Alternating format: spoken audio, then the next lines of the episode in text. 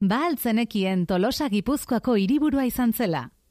Gobernu aurrerakoien garaian izan zen, mila zortzireun da berrogeita lautik, mila zortzireun da berrogeita malaura bitarte.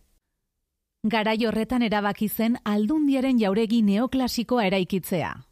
Barrena txoenea edo portal etxe etxearen orubean eraikita dago.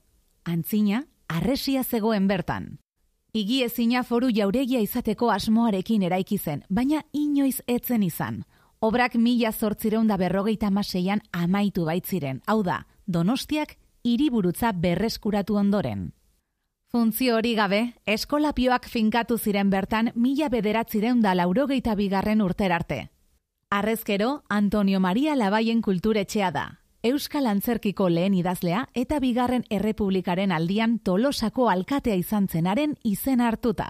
Eraikinaren kolore horia nabarmentzen da, eta badu mamia kontuak. Udalak hasiera batean, ez zuen baimena eman kolore horrekin margotzeko.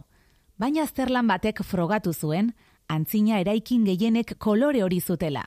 Azkenean, onartu egintzen kolore hori, Eta diotenez, alde ezarreko etxeek arrezkero hasi ziren egungo kolore bereizgarriak izaten. Itzul gaitezen San Juanetara.